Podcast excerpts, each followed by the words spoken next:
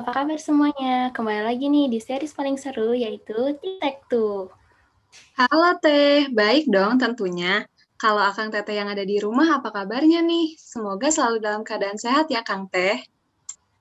Wah, nggak kerasa ya, sekarang kita udah ada di episode 4 aja nih. Nah, di episode kali ini, Akang Teteh semua bakal ditemenin sama aku Elis, dan aku Ninis. Di episode kali ini, kita udah kedatangan narasumber yang gak kalah keren dari episode sebelumnya, yaitu Tete Tete dari Awardee ISMA 2021. Wah, seru banget tuh, Teh. Akang Tete semuanya pada penasaran gak nih? Penasaran dong, Teh. Oke deh, gimana kalau kita langsung sapa aja nih Tete-tetehnya? Halo Teh Kim, halo Teh Klau. Halo. Halo. Gimana nih Tete-Tete kabarnya hari ini? Baik, baik. Alice gimana? Baik. Aman Baik, Teh. Oke, karena kita udah nggak sabar banget buat ngobrol-ngobrol bareng Teh Kim dan Teh Claudia, boleh dong Teh kenalin diri dulu dan spill sedikit nih kesibukan Teteh-Teteh sekarang apa sih? Oke, mungkin deh aku dulu kali ya. Oke, perkenalkan semuanya. Nama aku Kimberly Santasa, biasa dipanggil Kim. Aku dari Teknologi Pangan 2019. Uh, kesibukan sekarang ya karena lagi libur banyaknya ngedrakor ya dan sambil sambil mempersiapkan untuk um, keperluan untuk berangkat nanti. Halo, kenalin aku Claudia dari uh, TPN 18. Kesibukan aku sekarang um, me time, terus aku juga mulai mempersiapkan buat nanti berangkat dan aku mulai menyusun untuk tugas akhir skripsi. Wah, semangat ya teteh-teteh.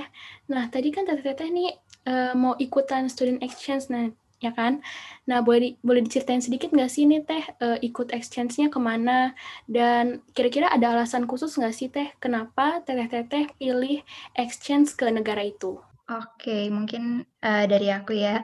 Uh, jadi aku exchange ke uh, Belanda, tapi sebenarnya sih awalnya tujuan aku itu mau ke Jepang, cuman karena um, kuota untuk ke Jepang itu terbatas dan udah penuh, jadi dialihin ke negara lain dan aku dapat ke Belanda. Tapi aku, uh, maksudnya setelah aku melakukan research tentang Belanda, tentang kehidupan Belanda, tentang universitas yang aku uh, dapetin itu semua tidak uh, tidak membuat aku patah semangat sih kayak ini ya sangat luar biasa juga bisa ke Belanda dan mendapatkan di namanya VU Amsterdam kalau kalian mau tahu. Nah kalau aku kebetulan daftarnya dan uh, dapetnya sama yaitu di Hochschule Hannover di Jerman.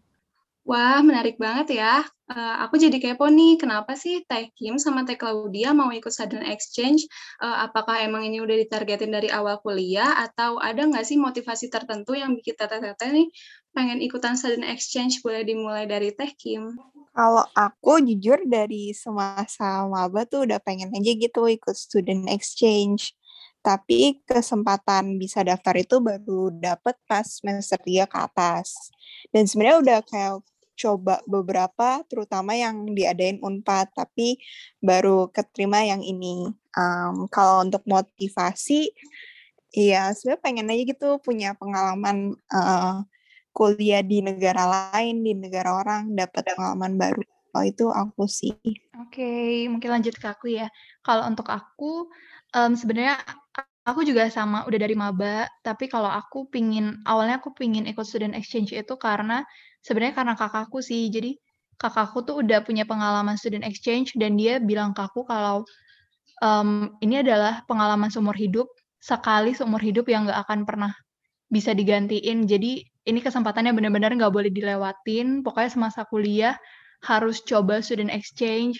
Terus uh, kebetulan juga waktu itu kita ketemu pandemi kan. Terus aku pingin student exchange itu yang offline. Mungkin banyak sih student exchange yang online kan. Cuman aku ngerasa kalau offline kayak banyak pelajaran lebih yang bisa kita dapetin dan aku ingin mengejar pelajaran-pelajaran yang cuma bisa didapetin offline itu makanya uh, aku baru daftar sekarang.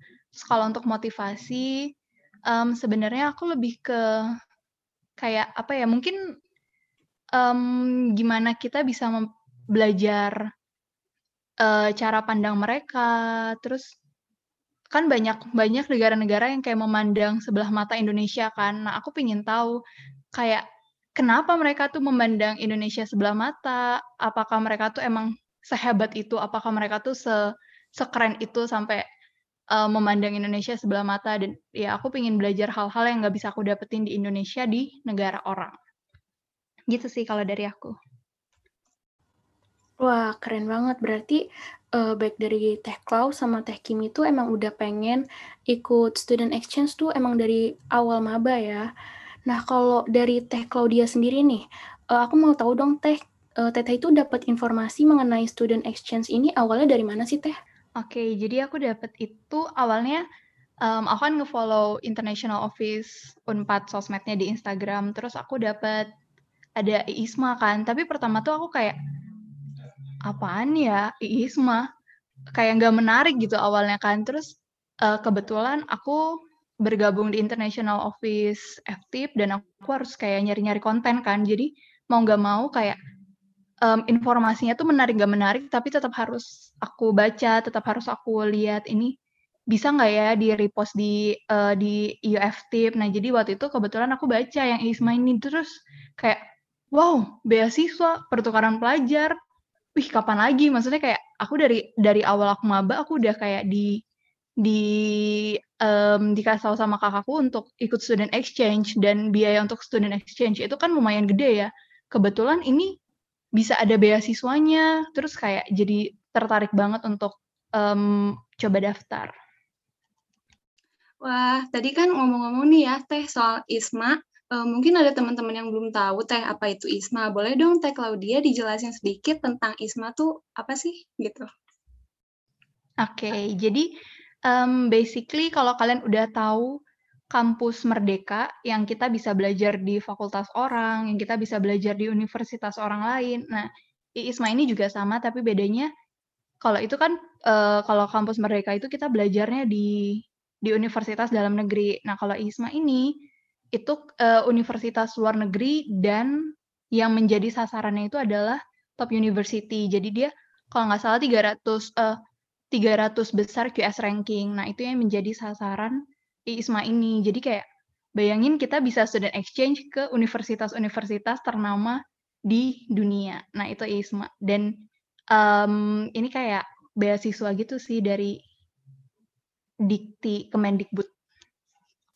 Nah, boleh banget tuh buat teman-teman atau orang Teteh yang lagi nyari program student exchange, boleh langsung dikepoin aja ISMA-nya, bisa dicari di internet ataupun di sosmed-sosmednya. Uh, nah, aku, ju aku juga mau nanya lagi nih, menurut Teh Kim, uh, benefit apa aja sih yang didapetin kalau kita itu ikut student exchange? Kalau untuk benefit, menurut aku yang pastinya pengalaman yang tidak terlupakan ya seperti yang kata Teh Claudia bilang. Dan selain itu kita juga bisa uh, untuk mempelajari cara pandang orang luar, kita juga bisa terutama kampus Merdeka ini kan dia memfokuskan kayak kita belajar di luar comfort zone kita. Kayak misalnya kita semua anak teknologi pangan, tapi nanti saat mengikuti ESMA ini kita belajar mata kuliah-mata kuliah yang mungkin bukan teknologi pangan tapi juga bermanfaat gitu bagi kita. Jadi kalau untuk ditanya benefit student exchange apa, ya banyak banget gitu. Pengalaman, soft skill, hard skill. Yang jelas uh, nggak boleh ketinggalan lah untuk student exchange ini. Wah, ternyata banyak banget ya benefit dari mengikuti student exchange ini. Nah, mungkin Akang Tete di rumah nih juga uh, jadi ikutan tertarik nih buat ikutan student exchange. Mungkin boleh dong Teh Kim uh, ceritain sedikit apa aja sih yang perlu kita siapin nih sebelum dan saat daftar ISMA ini. Dan uh, ada nggak sih kesulitan yang Teh Kim alami selama proses seleksinya? Oke, okay, kalau untuk yang harus dipersiapkan kebanyakan sih berkas ya. Kalau kemarin itu aku uh, harus minta recommendation letter dari international office, terus uh, juga butuh transkrip nilai dan juga English test. English test itu bisa TOEFL, bisa IELTS. Kalau aku pakainya Duolingo English test, tapi teman-teman juga perlu perhatiin. Jadi nanti akan ada tabel gitu untuk uh, setiap universitas memiliki ketentuannya masing-masing. Misalnya aku daftar yang di Jerman, oh uh, dia butuhnya Duolingo English Test minimum 100 nilainya. Eh tapi ada universitas lain yang butuhnya 110 gitu. Ada yang tidak terima Duolingo English Test, tapi terimanya cuma IELTS gitu. Jadi beda-beda uh, harus diperhatiin untuk English Test itu. Kemudian uh, saat mendaftar juga kita disuruh uh, menjawab empat pertanyaan esai dan itu um, lumayan PR sih karena karena itu yang benar-benar mencerminkan kita uh, untuk untuk seleksinya dilihat dari situ juga. Um, kalau saat sudah keterima, yang butuh dipersiapkan sebenarnya beda-beda universitasnya mem membutuhkan apa aja dan juga setiap negara kan memiliki ketentuan visanya masing-masing. Tapi secara umum yang kita butuhin yang, yang pasti paspor. Terus beberapa mungkin butuh butuh letter apa recommendation letter. Jadi ditanyakan ke universitas dan negara masing-masing kalau untuk uh, proses setelah diterima. Gitu sih. Wah, seru banget ya Teh persiapannya. Boleh tuh buat Akang Teteh yang mau ikutan student exchange dipersiapin dari sekarang, uh, dicicil dikit-dikit biar nanti nggak numpuk. Terus uh, mungkin uh, jadi banyak juga nih teman-teman yang bertanya-tanya tentang biayanya. Boleh dong Teh Kim dikasih tahu biaya apa aja yang diperluin. Walaupun tadi uh, disebutin ini dapat beasiswa, apakah uh, tetap ada yang harus dibayar atau enggak nih Teh? Kalau untuk ISMA itu di cover semua dari tuition fee, akomodasi, transportasi, sampai PCR test juga di cover.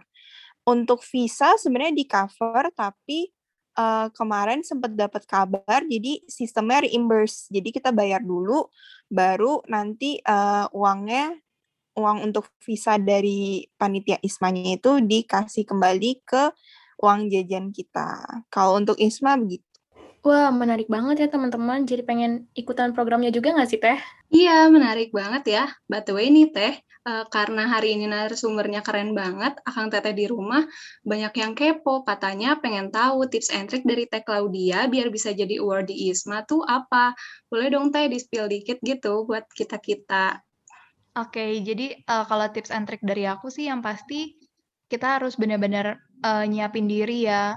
Dan kalian itu termasuk beruntung karena kalian udah tahu informasinya sekarang. Jadi kalian udah punya waktu yang lebih panjang untuk mempersiapkan. Mulai dari kalian sekarang udah bisa mulai um, belajar untuk uh, English proficiency testnya misalkan. Dan itu benar kata Kim, kalian sesuaikan itu tuh kalian pingin ke negara apa, kalian pengen ke universitas apa, itu kan semua punya requirement yang berbeda-beda. Ada yang menerima tes TOEFL ITP, ada yang udah tidak menerima lagi. Jadi uh, saran aku sih jangan kalian harus melakukan research dulu tentang negara apa yang kalian ingin tuju, terus uh, universitas apa yang ingin kalian tuju, terus cari tahu requirement-nya apa dan siapin dari sekarang. Terus, um, kayak kalau aku sama Kim itu kan dulu kita tahu cukup, apa ya, maksudnya dari kita tuh ngerasa ini cukup cukup padat sih waktunya, kayak, "Wah, udah ada nih, eh, tiba-tiba ada ISMA, uh, butuh English test." Terus, um, kita harus buru-buru mulai coba daftar, kita harus, um, mulai belajar. Tapi, um, kalau kalian kayak maksudnya sebagian sebagian orang kan ada yang ngerasa kayak, ih aku tuh nggak bisa belajar kalau nggak ada yang ngajar. Ya udah kalian harus memahami kebutuhan kalian. Berarti dari sekala, sekarang kalian coba cari tutor buat uh, tes IELTS atau TOEFL atau Duolingo. Terus kalau kalian ngerasa oh uangnya bisa aku alokasiin untuk hal lain, ya udah berarti kalian coba belajar sendiri tapi kalian harus nargetin. Maksudnya kalian harus punya target yang jelas. Misalkan dalam sebulan ini aku udah harus bisa mencapai uh, reading yang reading section aku tuh harus bisa mencapai nilainya sekian. Oh, dalam satu menit aku harus bisa menyelesaikan sekian soal yang listening sectionnya. Jadi kalian udah punya target. Uh, nanti untuk untuk tahun depan kalau udah ismanya buka, kalian udah ngikutin tes dan jadi hasilnya itu udah emang semaksimal kalian. Jadi harus kalian harus jangan males cari info dan jangan males buat mempersiapkan diri. Oke, okay, kalau dari aku, kalau yang bagian English test kan tadi udah dijelasin kalau dia sampai lengkap banget. Kalau dari aku, tips and tricksnya itu saat uh, menjawab esai yang tadi aku sebutin, yang empat pertanyaan. Kalau yang ISMA ini dia menggunakannya esai empat pertanyaan dan masing-masing pertanyaan itu maksimum 200 kata, tapi tidak menung tidak menutup kemungkinan tahun depan berubah jadi motivation letter atau apa pun itu, tapi nggak jauh-jauh dari menulis. Nah, teman-teman, uh, kalau tips dari aku harus dipersiapin untuk menjawab esai tersebut dan menjawabnya kan menggunakan bahasa Inggris juga. Terus pastikan teman-teman memiliki uh, motivasi dan alasan yang kuat kenapa harus uh, harus teman-teman gitu yang diterima program ISMA ini. Tuliskan semua itu di esai yang diminta. Kalau uh, trik yang aku gunakan yaitu aku baca bukletnya ISMA, aku lihat bagian tujuan tujuan dari ISMA itu sendiri, dan aku membuat jawaban aku seolah-olah uh, supaya cocok gitu dengan tujuan ISMA itu tersendiri. Terus uh, harus dipersiapkan juga untuk tahap wawancara. Nah, untuk wawancara itu, jadi proses itu teman-teman daftar, kemudian uh, panggilan wawancara. Jadi ada yang yang lolos ikut wawancara, yang tidak lolos ya tidak lolos. Tapi kalau teman-teman lolos nyampe wawancara, itu wawancaranya harus benar-benar dipersiapin karena benar-benar 15 menit doang, tidak kurang, tidak lebih. Dan itu harus menjawab semua pertanyaan yang ditanyakan. Pastikan internetnya stabil kalau misalnya uh, masih online kayak kemarin dan teknis masalah-masalah teknis.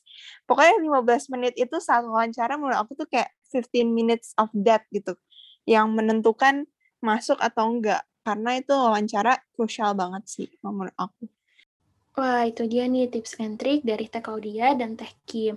Jadi mungkin buat kakang Teteh nih yang pingin juga nih ngikutin jejak Teh Kim dan Teh Claudia buat ikutan student exchange juga udah bisa nih dipersiapkan dari sekarang. Nah, terakhir nih Teh, buat menutup episode kali ini, ada nggak sih pesan-pesan dari Teh Kim dan Teh Claudia buat Akang Teteh nih yang pengen uh, mengikuti student exchange juga? Mungkin boleh nih dijawab dulu dari uh, Teh Claudia. Oke, okay. Um, kalau untuk teknis sebelum pendaftaran, aku rasa dari obrolan kita tadi udah cukup apa ya, udah cukup detail lah ya. Nah, paling uh, sedikit pesan untuk kalian adalah jangan lupain untuk mempersiapkan uh, mental sih menurut aku. Karena di sini kita kan pergi ke negeri orang ya. Kita nggak kita nggak apa ya kita nggak tahu gaya hidup mereka, kita nggak tahu gimana um, hukum bukan hukum sih, lebih ke norma-norma norma-norma adat gitu yang ber, um, yang mereka terapkan di sana. Jadi yang pasti kalian harus pelajari itu sebelum berangkat. Terus kalian juga harus mempersiapkan diri kalian kayak uh, untuk kita menjadi uh, student ex uh, untuk kita menjadi peserta student exchange yang baik, mungkin kita harus punya kayak kita pasti harus bisa hidup mandiri, kita harus bisa beradaptasi dengan baik di sana. Jadi hal-hal semacam itu yang kadang kita ngerasa itu nggak penting, tapi ya perlu kita persiapkan. Jadi bukan cuman uh, sekedar kita tuh punya oh gue punya nilai Inggrisnya bagus, udah pasti gue bisa berangkat. Tapi kalau emang kalian uh, istilahnya mental kalian gak siap, ya ya kalian berangkat pun takutnya malah akan menyusahkan diri kalian sendiri. Jadi kalian harus mempersiapkan benar-benar dari segala aspek dari mental pun kalian harus mempersiapkan itu. Gitu sih. Oke, kalau dari aku pesan pesannya Uh, benar banget, persiapkan mental. Uh, tapi selain itu, saat mau daftar, pastikan teman-teman uh, diizinin lah sama orang tua. Karena kan nggak lucu juga ya kalau misalnya udah keterima tapi nggak diizinin berangkat ya. Terus selain itu, jangan lupa untuk mempersiapkan diri dengan baik, baik itu English test atau esainya. Jangan lupa juga minta berkas-berkas yang dibutuhkan itu jangan mepet-mepet karena kita kan nggak tahu ya untuk dari international office bisa memproses berkas-berkas yang kita butuhkan itu berapa lama. Jangan mepet-mepet lah, jangan deadlineer. Uh, terus uh, terakhir jangan lupa berdoa karena uh, kita melakukan yang terbaik tapi kita kan nggak tahu ya di atas uh, mengizinkan atau enggak. Jadi teman-teman jangan lupa berdoa dan semoga uh, mendapatkan hasil yang terbaik. Good luck untuk yang mau daftar ISMA atau student exchange lainnya. Wah, setuju banget sih. Aku sama yang udah diomongin sama Teh Kim dan Teh Claudia, kalau persiapannya tuh harus matang dari segala aspeknya, kayak mental dan berkas yang diperluin, terus jangan lupa juga minta izin sama orang tua, dan uh, buat Akang Teteh nih yang mau ikutan student exchange, uh, tetap semangat ya untuk meraih mimpinya. ngomong ngomong-ngomong nih, karena kita dari tadi keasikan ngobrol, nggak sadar kalau udah di penghujung podcast aja nih kita. Oh iya, nggak kerasa banget ya Teh. Tapi sebelum itu, kita berdua mengucapin terima kasih banyak nih kepada Teh Kim dan Teh Klau juga yang udah menyempatkan waktunya untuk berbagi cerita dan pengalamannya nih terkait uh, student exchange buat kita semua. Betul banget. Kita juga mau ngucapin makasih buat Akang Teteh yang udah stay dengerin episode ini sampai akhir.